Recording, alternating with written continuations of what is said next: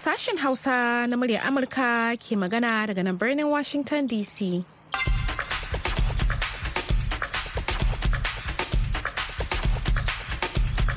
Masu sauraro barkanmu da asuba da fatan an waye gari lafiya.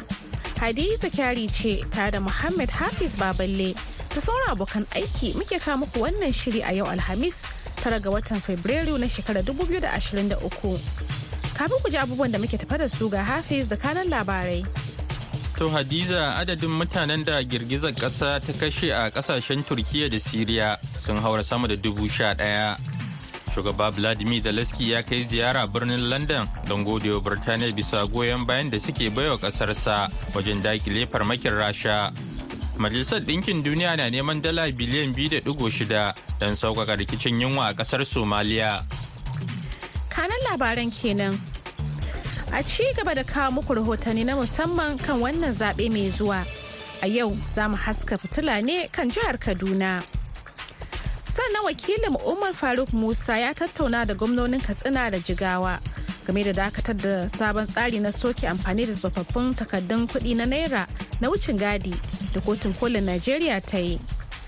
Kamar kowace rana kamar ta yau alheri za ta shigo da shirinta na domin iyali. Amma yanzu sai a gyara zama domin saurara kashi na farko na labaran duniya. Jama'a assalamu alaikum ga cikakkun labaran duniya mai karantawa Muhammad Hafiz Baballe. Masu aikin ceto a ƙasashen Turkiyya da Siriya na ce gaba da fafata da lokacin sanyi jiya Laraba don gano waɗanda suka tsira da rayukansu da baraguzan gine-gine suka binne sakamakon girgizar ƙasa mai ƙarfi da ta faru a yankin a ranar Litinin da ta wuce da ta yi sanadin mutuwar sama da mutane dubu sha ɗaya. Hukumar ba da agajin gaggawa ta ƙasar ta sanar jiya Laraba cewa aikin ceton da aka yi a turkiya ya hada da ma'aikata dubu casa'in da shida wuraren da ake wannan bincike sun kasance wuraren da aka gudanar da wasu bukukuwa yayin da aka iske mutane da ransu suka tafi da su domin a kula da lafiyarsu. Jami'an turkiya sun ce akalla mutane dubu takwas da ɗari biyar da saba'in da huɗu suka mutu yayin da sama da dubu talatin da takwas suka jikkata. A siriya an samu mutuwar akalla mutane dubu biyu da ɗari biyar da talatin a cewar alkaliman gwamnatin damascus da ƙungiyoyin agaji. Yanzu girgizar ƙasa ta zama wani mummunan bala'i tun bayan girgizar ƙasa da matsananciyar guguwa ta tsunami da ta yi sanadin mutuwar kusan mutane dubu ashirin a japan. Shugaban ƙasar ukraine vladimir zelensky ya tashi zuwa birnin london jiya laraba don godewa al'ummar birtaniya bisa goyon bayan da suke baiwa ƙasarsa wajen daƙile farmakin da rasha ta kwashe kusan tsawon shekara tana yi a ƙasarsa kuma ya yi hasashen cewa daga ƙarshe ukraine za ta yi nasara a yaƙin zelensky ya faɗa wa majalisar dokokin birtaniya cewa mun san yanci ne zai yi nasara mun san rasha za ta yi rashin nasara mun san nasara za ta canza duniya kuma wannan zai zama canjin da duniya ta daɗe tana buƙata birtaniya na tafiya tare da mu zuwa ga mafi mahimmancin nasara a rayuwarmu. Zelensky ya kuma gana da sarki charles a fadar buckingham a wata ziyara ta biya a ƙasar waje tun bayan mamayar da rasha ta yi a ranar 24 ga watan fabrairu da ta wuce biyo bayan wata ziyara da ya kai washington a watan disamba bara inda ya gana da shugaba joe biden da kuma jawabi ga majalisa. Labaran yana zuwa muku ne daga nan sashen hausa na murya amurka a birnin washington dc Majalisar Ɗinkin Duniya na neman dala biliyan biyu da ɗigo shida a wannan shekara domin tallafawa mutane miliyan bakwai da ɗigo shida daga cikin 'yan Somaliya masu fama da matsananciyar yunwa da yiwuwar yunwa sanadiyar rikici, tsadar abinci da fari da ba a taɓa gani ba. Babban jami'in jin kai na Majalisar Ɗinkin Duniya a Somaliya, Adam Abdulmola, ya shaida wa manema labarai ta kafar bidiyo cewa akwai yiwuwar yunwa mai ƙarfi daga watan Afrilu zuwa Yuni na wannan shekarar. kuma ba shakka idan ba a ci gaba da bayar da agajin jin kai ba kuma idan daga afrilu zuwa yuni ba a samu ruwan sama da ya kamata ba kamar yadda aka yi hasashe ƙasar tare da sauran sassan yankin kuryar gabashin afirka na cikin mawuyacin hali na fari mai ɗimbin tarihi bayan da aka kasa samun damuna guda biyar a jere. Abdulmola ya ce kusan mutane miliyan 6.4 ne ke fuskantar matsalar ƙarancin abinci kuma ana sa ran adadin zai karu zuwa miliyan 8.3 tsakanin watan afrilu zuwa yuni. Ciki har da mutane 727 da ake sa ran za su fuskanci bala'in yunwa.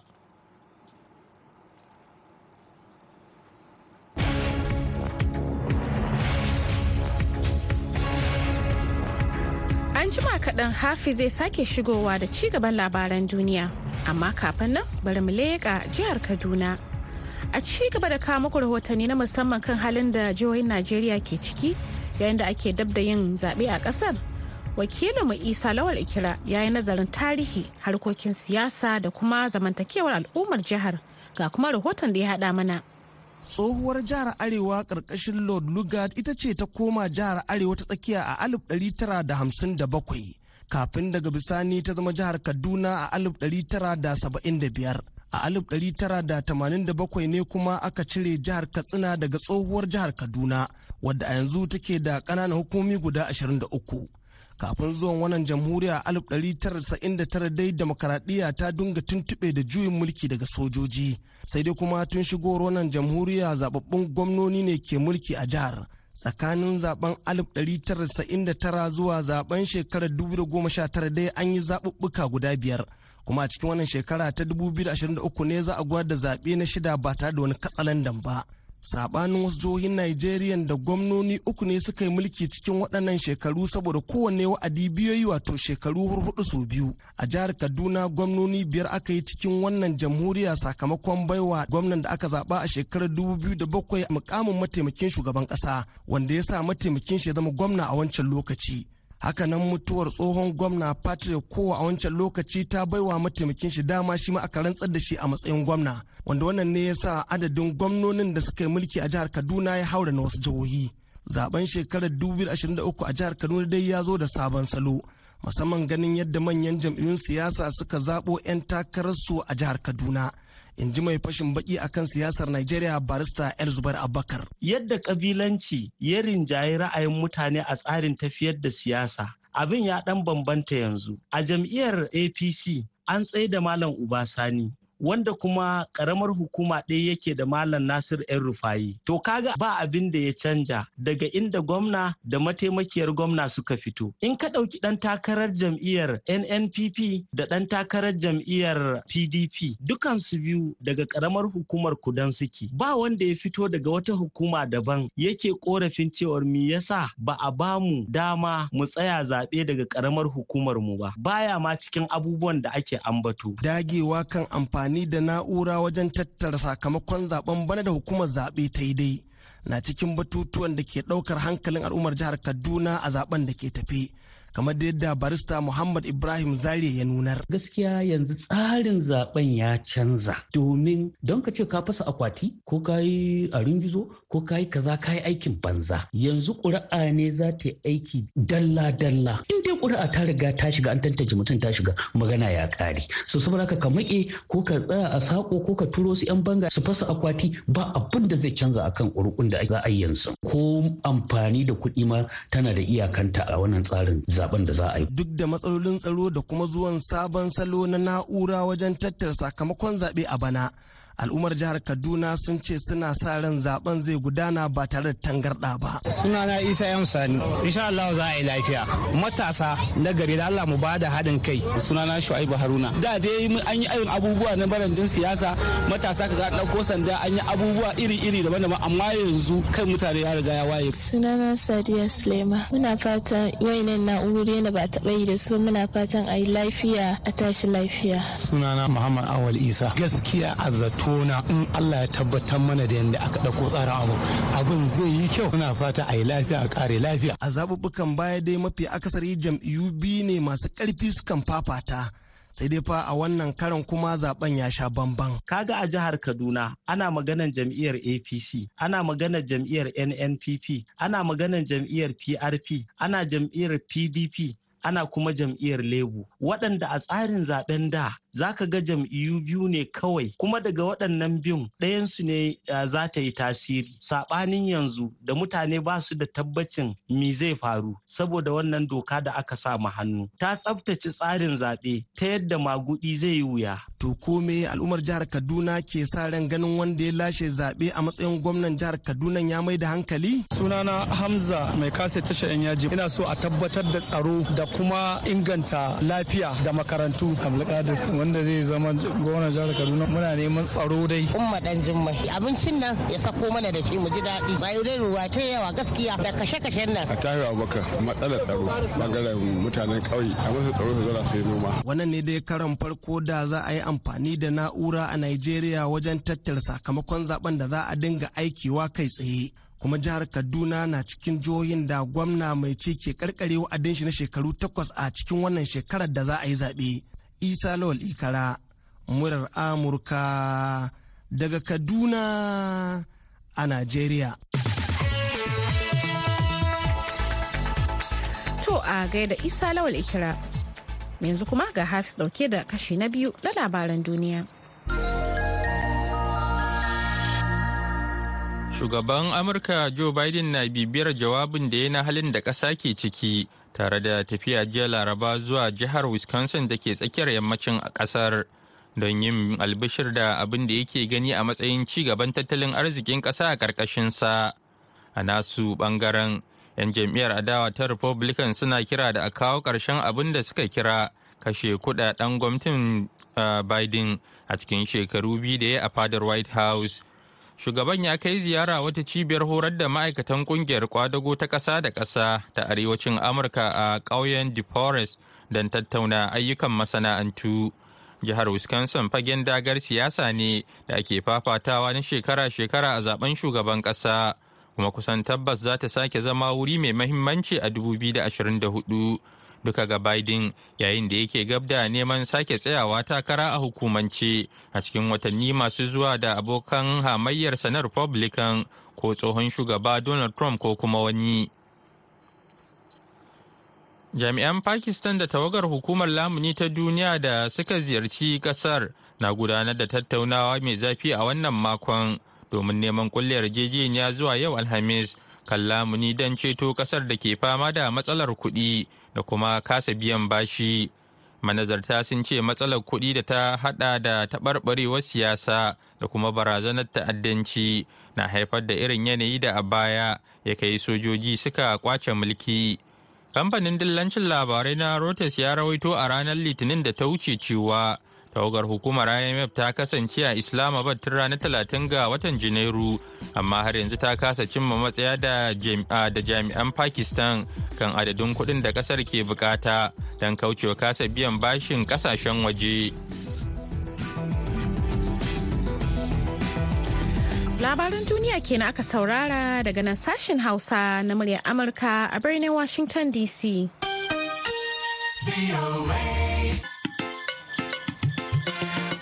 kotun koli ta najeriya ta dakatar da sabon tsarin soke amfani da tsofaffin takardun kuɗin naira na wucin gadi har lokacin da aka ji karar da gwamnonin apc suka shigar? Bayan hukuncin kotun gwamnan jihar jigawa abubakar badaru ya bayyana wa wakilin umar faruk musa mahimmancin wannan hukuncin inda yake cewa duk mai kuɗi a banki yanzu zai iya karɓar kuɗinsa. Sun kyauta da suka yi haka saboda gaskiya talaka da masu ƙananan kasuwanci suna cikin wani hali. So alhamdulillah ya yi kyau tun da kamar sun ce a koma yanda ake da kafin maganar kirkiro wannan sabbin kuɗin.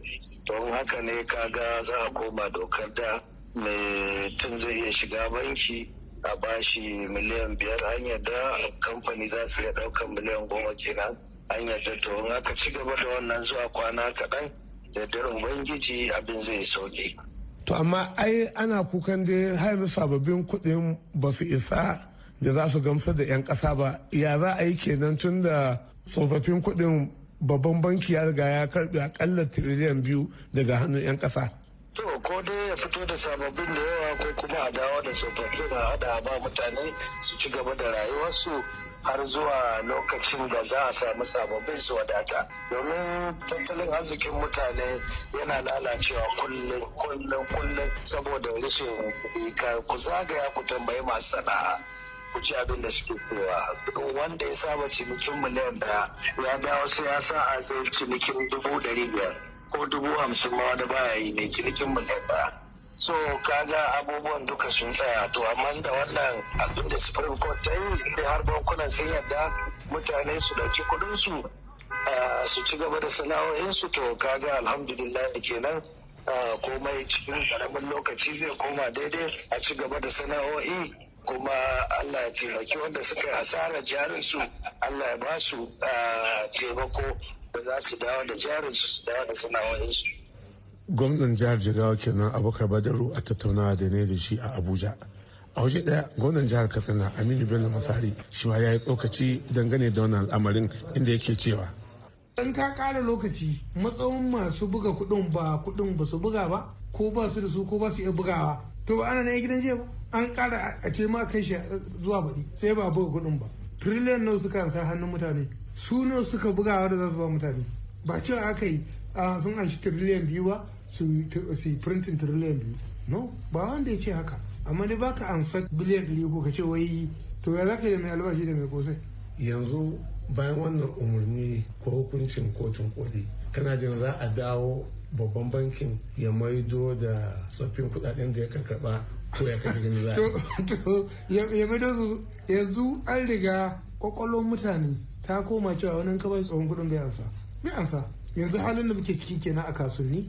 Da wasu gidajen mai cewa an kai sai ya kabar tsohon kuɗi ba ansa yana shi ma ɗaya daga cikin matsalolin da ke saboda ba a yi wa mutane cikakken bayanin da ya gamshe su wanda za su bi abin nan. Babu wato abin da ake wa sensitization wayar da kan mutane akan al'amarin. Kan ce abu ya zo gaga to amma me mafita? Domin na ga alaman ana koke-koke cewa wannan mafita a yi a sifirinta kuɗi.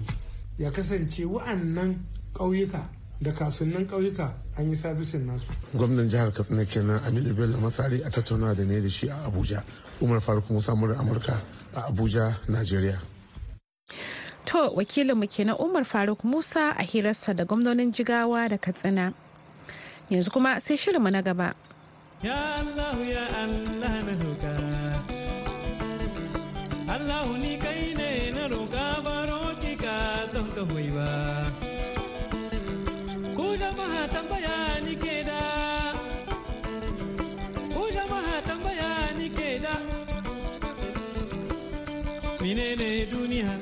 Menene dadihin duniya? Menene duniya? Menene dadihin duniya? Yaushe ne hillary ta fito?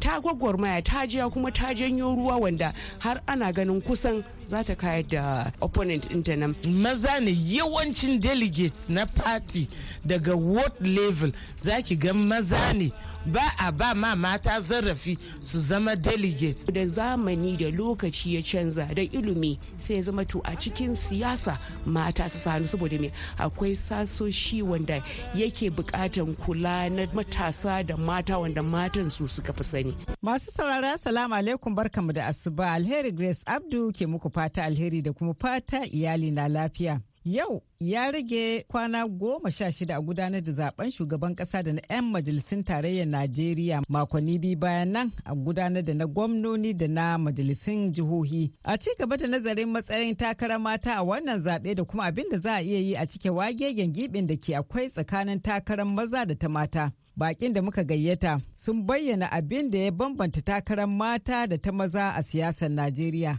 Ga wakiliyarmu Zainab Babaji da ci gaban tattaunawar. To Hajiya Binta Kabir barin dawo gare ki. Kina faɗakarwa musamman ta yadda mata za su samu gurabe a harkokin siyasa saboda kare haƙoƙin mata. Kin ji bayanan da suka yi. Kina ganin kamar matan nan yanzu kansu ya waye ta yadda za su fito domin su kare uh, sauran 'yan uwansu mata? An ba da misalai uh, kamar uh, ita 'yar takarar gwamnan jihar adamawa binani kenan akwai kuma ita pauline talin da sauran mata dai. Kina ganin kamar bisa ga faɗakarwanku mata kansu ya waye kuwa? Na ci magana da duka abokan tattaunawa na suka yi kuma kowane ina so in ɗauki wani abu da zan yi magana a kai. Kamar shi um, namijinmu malam Ridwan da ya magana akan cewa ai siyasa gugurmaya ne su shiga a dama da su su nemo matsayi wa kansu saboda ba appointment ba ne. Na yadda. Amma ina fatan kana sane da cewa matan sun shigo sun kuma yi gugurmayan kuma an denying ɗinsu zan baka references. Kaga kafin shiga references din kafin a yi references din ba wai ba sa fitowa ba ne. Ni ina yabawa ma kwazo na matan najeriya saboda me? Da sun biye yanda ake musu da za su koma ne su yi bacci. Amma da yake suna son a taso din a yi kuma ina ganin kwazon su kuma ina yaba saboda me? Ko duniyar da ta fi mu ci gaba. Uh, kamar america. Yaushe ne hillary ta fito? Ta gwagwarmaya ta jiya kuma ta janyo ruwa wanda har ana ganin kusan za ta kayar da opponent ɗinta nan. Amma mene ta nuna wa mata a duniya cewa mata suna da matsayin da za su iya? Wanda ya ci california? Ka gane ko? To idan muka dawo da nigeria yanzu haka a statistics da zan gaya muku shine wajen mutum 109 su ne senators gaba ɗaya a cikinsu mata tara ne. Kuma ba don ba su fito ba. A majalisa. Sannan idan ki duba a cikinsu akwai 20 da akwai mutum 360 house of reps. Amma guda 27 mata ne. Ba su fito ba ne sun fito. Amma menene? An riga an ba da wani irin fuska na cewa wanda ya riga ka bacci ya riga ka tashi. Ai tun farko an san mata iyaye ne a gida. Mu ba mu ki ba mun yadda. Kuma an san dama tun matan an bar su ne a ta baya na tarbiyya da kula da gida. To da zamani da lokaci ya canza da ilimi sai ya zama to a cikin siyasa mata su sanu saboda me? Akwai sasoshi wanda yake bukatan kula na matasa da mata wanda matan su suka fi sani. A wayancan ƙasashen ana ba su dama. Ba a danne su. Misalin daniya a nan shine akwai aisha wanda ta contesting uh, governorship election a 2019 ta ci taraba ta ci aka zo aka ƙi kai kotu ta ci. Amma menene? Within the party sai aka zo aka ce mace ce yaya za a yi sarakuna su zauna suna kallanta a matan gwamno bayan muna da al'ada? Aka rarrashe ta aka bata senate. Wannan ma za a ce bata fito ba ne? Ta fito. Amma me aka yi? An daidaita aka nuna mata al'ada da, da, da, da, da, da culture. Kuma mace. Na biyu misali shine akwai wata patricia ete speaker 2017 kafin hawan bankole jimedi bankole. A lokacin saboda minority na representation women in the national assembly suka yi mata ca suka danne ta. Da ya zama sun mata yawa sun fi karfinta opposition ya fiwa saboda karancinmu tana ji ta gana gani haka aka sauke ta. Wannan ma bata fito ba ne? Ta fito. Wannan danniya ne. Bayan wannan akwai a wani misali na wannan mata da ake kira a na benue state wannan honorable patricia oga. Wannan matan ta contesting a wannan ta contesting for senate. And she won. Amma ta sai aka ce ta yi haƙuri ta dawo party sai aka bata women leader. Wannan ma duk ba su fito ba ne? Again presently akwai honorable natasha kogi state central. She contested as a governor. And now she's contesting under pdp tana contesting for uh, senate. A lokacin ta ci amma menene aka compensating ta? So kullum mata ana nuna musu yawa ana nuna musu ƙarfi ana nuna musu muna wurin kafin ku. An da arena na politics a men's world duniya na maza. Amma abin da zan gaya maka na cewa ba sa fitowa ban yadda ba suna fitowa. To bari koma gare ki a madan Roda Jahota. A Hajiya ta yi magana akan waɗansu al'adu waɗansu ko a ce addini ne da sauransu waɗanda maza ke nuna ma mata cewa ba ku isa ku kai wannan gurin ba. A'a wannan wayansu lokatai ana ba matan amma kuma wayansu lokatai kin ji bayanan da ta yi na cewa ana daniya. Akwai al'adu da ko kuma addini da ya danne mata ne a ce mata bai kamata a ce sarki ya zo ya durkusa ma mata ba saboda ta zama gwamna ko kuma da sauran irin waɗannan dai. A cikin addinin krista dai ni ban gan wani haka ba domin ko a cikin lokacin old testament akwai matan da suka yi mulki a lokacinsu. So ni ban gan wani inda addini ya ce wai a danne mata kar wani ya zo ya durkusa masu ba. Domin ko littafi ma ya faɗa a littafin joel sura biyu ya ce ubangiji ya ba da ruhun shi mai sarki bai ce ya ba ma maza kaɗai ba amma ya ce ya ba ma kowa da mata da maza da yara ya ba ma kowa duk wanda ya buɗe zuciyar shiga ubangiji. Saboda haka maza ne kawai ko al'adu ne wanda ake ƙoƙari yanzu a ga yadda za a magance shi shine ya sa mata sun koma baya.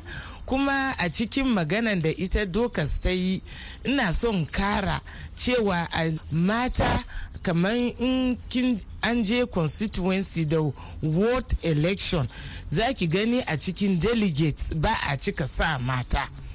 Maza ne yawancin delegates na party daga ward level. Zaki ga maza ne. Ko yanzu ne ma ko a wani wuri zaki ga na mace guda ɗaya.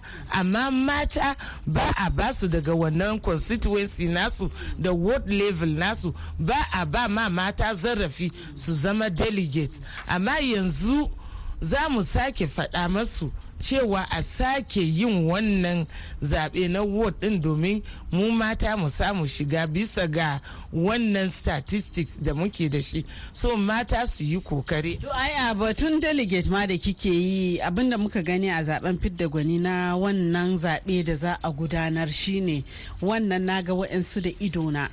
Delegate in ma idan sun je wurin zaɓe har ma waɗanda sun iya rubutu su akan karɓa ne a rubuta sunayen kusan za a ce delegate in ma ba wani amfani suka yi sosai a wurin ba na zaɓen kina ga kaman mata da yake yawancin lokaci ma idan aka ce a'a za a baki dubu goma baki a ganin kaman za su iya cewa to shikenan tunda dai haka ne ni delegate din ma duk wanda kuka zaɓa ma ku zaɓa kawai. To sai ku biyo mu a mako mai zuwa domin jin abin da bakin namu ke cewa dangane dangane da wannan kalubalen.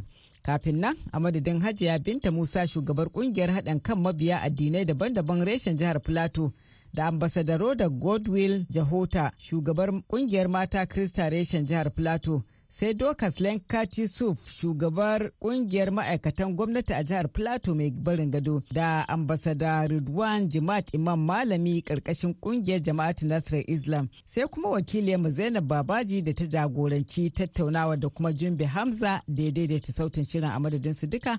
Alheri ke cewa ala tabbatar mana da alherinsa.